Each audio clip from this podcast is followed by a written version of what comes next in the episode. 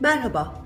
Yalnız Yürümeyen Kadınlar podcast serimizde tercih ettiği yaşam tarzını, benimsediği değerlerini savunan kadınların sarsıcı hikayelerini sizlere ulaştıracağız.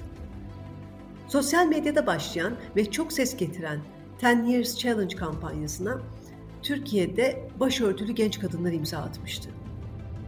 Örtülü ve örtüsüz fotoğraflarını paylaşarak hem görünür oldular hem de yalnız olmadıklarını gördüler. Yıllardır yalnız yürümeyeceksin platformuna akan mektuplar, kendiliğinden yükselen bu hareketin sebebi değilse de dip dalgasıydı. Başörtüsünü çıkarmak, tesettürden çıkmak isteyen kadınlar öykülerini yıllardır sessiz sedasız kız kardeşleriyle paylaşıyordu. Ben Melis Tufur. İşte bu mektupların kahramanlarıyla buluştum, hikayelerini dinledim. Yalnız yürümeyen kadınların etkileyici ve ilham veren öykülerini anlatacağımız program serisine hoş geldiniz.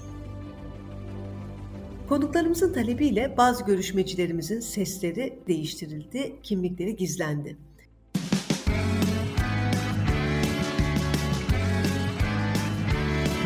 Kulağınız bizde olsun. Kısa Dalga Podcast. Merhaba sevgili dinleyenler. Birazdan dinleyeceğiniz röportajda güvenlik sebebiyle görüşmecimizin ismini Deniz olarak değiştirdik. Röportaj metnine tamamen sadık kalmak suretiyle seslendirmesini bir başka genç arkadaşla yaptık. Ee, hoş geldin Deniz. Bize biraz kendinden söz eder misin? Hoş buldum. Ben Deniz, 16 yaşına gireceğim yakında.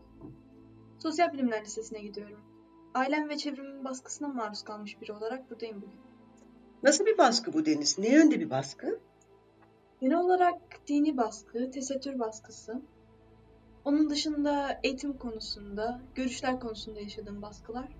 Nasıl bir çevrede doğup büyüdün? Sosyal çevreni bize biraz anlatabilir misin? Benim yaşadığım şehir e, muhafazakar bir şehir. Ben zaten genelde köyde yaşıyorum. Bu ortamlar az çok biliniyor. Muhafazakar, herkesin tek tip yaşa yaşamın olduğu bir şehir. Kadınların ikinci planda olduğu bir şehir. Ben de bunu öğrenerek büyüdüm. Bunun normal olduğunu öğrenerek büyüdüm. Bu yüzden yaşadığım baskıları biraz da geç fark ettim. Çevrem zaten benim gibi kızlarla dolu. Hepimiz aynı hayat yaşadığımız için biraz geç fark ettim. Ne tür baskılardı fark ettiğin? Ee, ilk ne zaman bunların baskı olduğunu ayırt ettin? Ortaokuldayken klasik okuldan eve, evden okula bir yaşamım vardı. Çevremdeki yaşıtlarım, yaşıtlarımın daha doya doya, doya yaşadığını, sürekli gezdiğini fark ettiğim zaman neden olarak katılamıyorum diye düşündüğümde ailemin asla izin vermeyeceğini fark ettim. Ee, bu şekilde fark ettim ilk. Ama internet ortamına atıldığım zaman birçok şeyi yeni yeni öğrenmeye başladım. Ee, bu zaman aslında hayatın, yaşadığım hayatın benim hayatım olmadığını fark ettim. Gittiğin e, nasıl bir ortaokuldu? Devlet okulu mu, İmam Hatip ortaokulu mu? Nasıldı? Okulum küçük bir devlet okuluydu. Evime çok yakındı. Yan yanaydı neredeyse. Ee, okulum da şeyle ayak uyduran bir okuldu. Farklı bir okul değildi. Yine aynı şekilde daha çok kız öğrencilerin baskı altında olduğu bir okuldu. Kız öğrencilerin çoğu tesettürlü müydü? O dönemde e, nasıl bir oturma düzeniniz vardı mesela? Genelde biz kız öğrenciler da, zaten daha az azınlık oluyoruz. Biz e, bir köşede otururduk. Geri kalan sıralarda hep erkek öğrenciler otururdu. Öğretmenler çok sevdiği kız öğrencilerini öğütlerdi. Bak kıyafetin biraz daha geniş olsa nasıl olur diye. Ya da artık senin yaşın geldi, dininin gereğini yerine getirmelisin şeklinde. Ben de çoğu öğretmenimden bunları duymuştum. Peki bu öğütler daha çok erkek öğretmenlerden mi geliyordu yoksa kadın öğretmenlerden mi? Neredeyse hepsi erkek öğretmenli. Hatta bir tarih öğretmenimiz vardı. Ee, derse geldiği zaman önce bir kontrol ederdi kim kimin yanında oturuyor diye. Sonra böyle bakardı, kızım sen kolunu aşağı çek, ee, işte biraz daha kenara doğru otur şeklinde. Bir devlet ortaokul. Anadolu'da bir kasabadan söz ediyoruz, değil mi? Yaşadığınız yer neresiydi? Ee, Karadeniz. Ee, aile, biraz ailenizden, bu işin okul kısmı, biraz aile ve akrabalarınızdan söz eder misiniz? Benim ailemde annem çok baskın biridir. Yani ben annenin annemin sözü dışında, annemin kararlarının dışında hiçbir zaman karar, karar alamadım şu ana kadar. Zaten ortaokuldayken liseye geçtiğim zaman kapanacağım diye söz vermiştim. Ve hani zaten tesettürlü giyiniyordum. Sadece başımda örtü yoktu. Onun dışında her şeyim tesettürlüydü. Hmm, namazımı kılardım, orucumu tutardım. Sadece tek eksik başörtüsüydü. Onu da liseye geçtiğim zaman yapacaktım.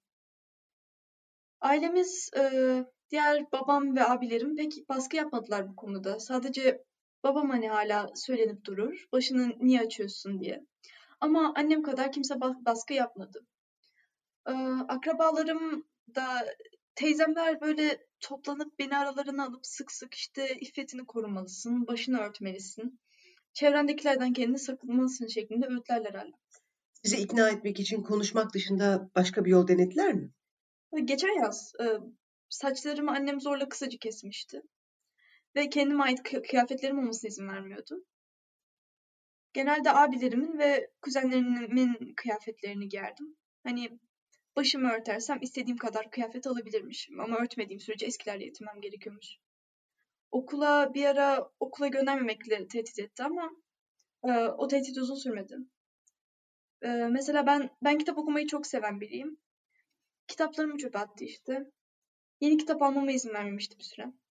Bunun dışında telefonuma sık sık el koymuştu ama ben saçlarımı zorla kestiği dönemde çok kırılmıştım. Bunu dile getirip eğer kapanacak olsam da bu hareketinden sonra düşünmüyorum demiştim. O, o günden beri eskisi kadar baskı yapmıyor, yapamıyor. Yani siz 15 yaşındaydınız bu saç kesme olayı gerçekleştiğinde. Evet evet 15 yaşında. Kız kardeşiniz var mı Deniz? Aa, hayır, üç erkek kardeşim var. Onlardan baskı görüyor musunuz erkek kardeşlerinizden? Aa, benden e, iki abim var.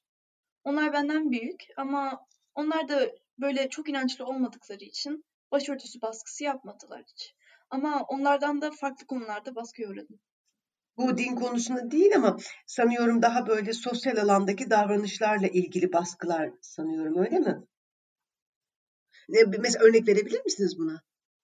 Mesela ben e, arkadaş edinmeyi pek seven biri değilim. Böyle dışarı falan çıkmayı da çok seven biri değilim. Ama buna alıştıkları için olsa gerek. Dışarı çıktığım zaman gelip kontrol ederlerdi üstümde. Hani böyle parfüm kokuyor mu üstüm ya da saçım nasıl diye. Telefonumda konuştuğum kişilere sık sık bakarlardı. Okula gittiğim dönemlerde okuldan çıktığım zaman kapıda böyle gözetlediklerini görürdüm. Yani sosyal alanda baskı yaparlardı genelde. Sanki geçmişte olmuş gibi konuşuyorsunuz. Bu davranışlarda bir değişiklik mi oldu?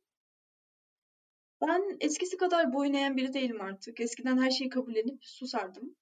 Şimdi o kadar kabullenmediğim için onlar da o kadar baskı yapamıyor. Bir şekilde kendinizi ifade ettiğinizi anlıyorum. Yanılıyor muyum? Taleplerinizi gündeme getirmişsiniz. Evet evet. Ben geçmişte yani bundan iki, iki sene öncesine kadar kendimi çok baskılardım. Onların baskılarına karşı gelmek isteyen biri vardı için, içimde. Ama korkudan sindirirdim kendimi. Yazın edin, yazın, yazın edindiğim arkadaşlar biraz etkili oldu. Kendimi bulmamda ve kendimi ifade etmemde. Bu yüzden eskisi, eskisi kadar kendimi bastırmıyorum. Haliyle baskılar, baskılara da karşı gelmeye çalışıyorum. Arkadaşlarınızla nerede tanıştınız? İnternet ortamında çok fazla arkadaş edindim. Daha farklı hayatlar görmek, daha farklı fikirler görmek çok değiştirdi beni. Size benzeyen, sizinle benzer deneyimi yaşamış kişilerle mi tanıştınız burada? Evet, birkaç sene önce Yalnız Yürümeyeceksin diye bir platform keşfettim. Orada tamamen benzer hayatlar yaşadığım kişilerle tanışınca hem çok fazla destek gördüm hem de yalnız olmadığımı anladım. Başka çözüm yolları olduğunu gördüm. Bu sayede birçok şeyi başarabildim. Çok güzel. Peki bundan sonraki hedefleriniz nedir Deniz? E, hayalleriniz? Bizimle paylaşır mısınız? Ben yakın zamanda sınavlara giremedim. Yani ailem artık okutmama kararı aldı benim. Sınavlara gidemediğim için de um, okuldan bir hayalim yok maalesef. Bir bölüm hayalim yok çünkü zaten okuyamıyorum. Onun dışında eğer bir çözüm bulunmazsa 18-19 yaşlarındayken evden çıkmayı düşünüyorum. Um, artık o zamana kadar bir şekilde okuluma devam etmeye çalışacağım. Eğer üniversite kazanabilirsem psikoloji ve sosyoloji okumayı çok istiyorum. Şu anda e, şu anda lisede kaçıncı sınıftasınız? Hazırlık okudum geçen sene. Bu sene 9. sınıfım ama sınavlara giremedim. Ailem izin vermedi. Eğer e, sınıfta kalırsam açıktan bitireceğim liseyi. Üniversitede zaten göndermiyorlar. Eğer kendim kazanabilirsem gidebilirim. Erkek kardeşleriniz okuyor mu? Evet, abi, abilerimden bir tanesi askere gitti. Diğeri, diğeri de yük- yüksek lisans yapıyor. Onlar eğitimleri, eğitimlerini tamamladılar, çalışıyorlar genelde. Peki, özellikle yüksek lisans yapan, yani hem üniversite bitirmiş, üstüne de okumaya devam eden abiniz, buna rağmen eğitim konusunda size destek vermiyor mu? Normalde abimden çok destek görüyordum eskiden. Ama onunla da aram pek iyi olmadığı için o da destek olmuyor.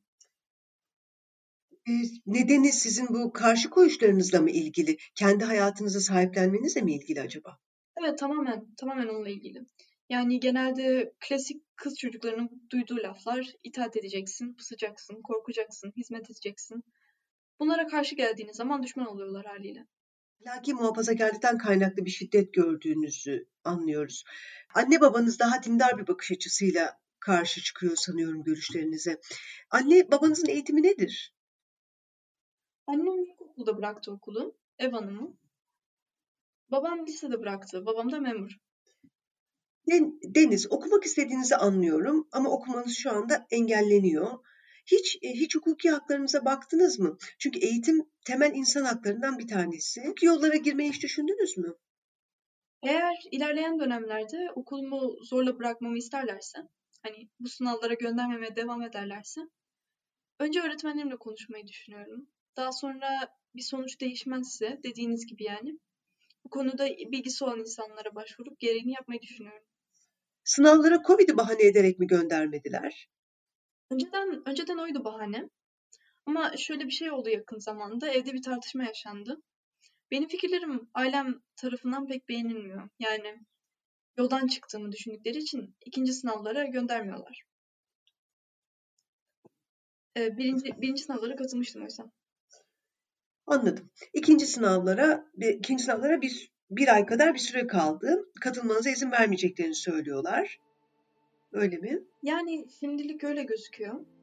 Ama bir şekilde gideceğim. Yani evden gizli çıkarım. Herhalde öyle planlamıştım. Ee, sevgili Deniz, sizin gibi düşünen, benzer zorluklar içinde olan kız çocuklarına, genç kadınlara, kadınlara söylemek istediğiniz bir şey var mı? Öncelikle hepimizin hayatı birbirine benzer olduğu için yaşadığım tecrübelerle söylüyorum. Hiçbir zaman istedikleri kalıplara gir- girmeyin. Ee, Çünkü kendi hayatınızı onların esir almasına izin verirseniz bir daha kendinizi bulmanız gerçekten çok zor oluyor. Ee, Yaşadığımız baskılara boyun eğmemeye çalışın. Hani eninde sonunda herkes kendi hayatında kendi yoluna bakıyor. En son aileniz de alışıp yakınsa bırakıyor. O yüzden kendinizden vazgeçmeyin hiçbir zaman. Yaşadığınız baskılara, yaşadığımız şiddete boyun eğmemeye çalışın ki karşılarında güçsüz biri olduğunu düşünüp de daha da ileri gidemesinler. Zaten ülkemizde bizim gibi olan o kadar çok kişi var ki hani yalnız değiliz kesinlikle. Yalnız yürümüyoruz. Bu yüzden kendinizi yalnız hissetmeyin. Programımıza katıldığın için çok teşekkür ederiz Deniz. Başarılar diliyorum sana. Okulda, hayatta. Ben teşekkür ederim dinlediğiniz için.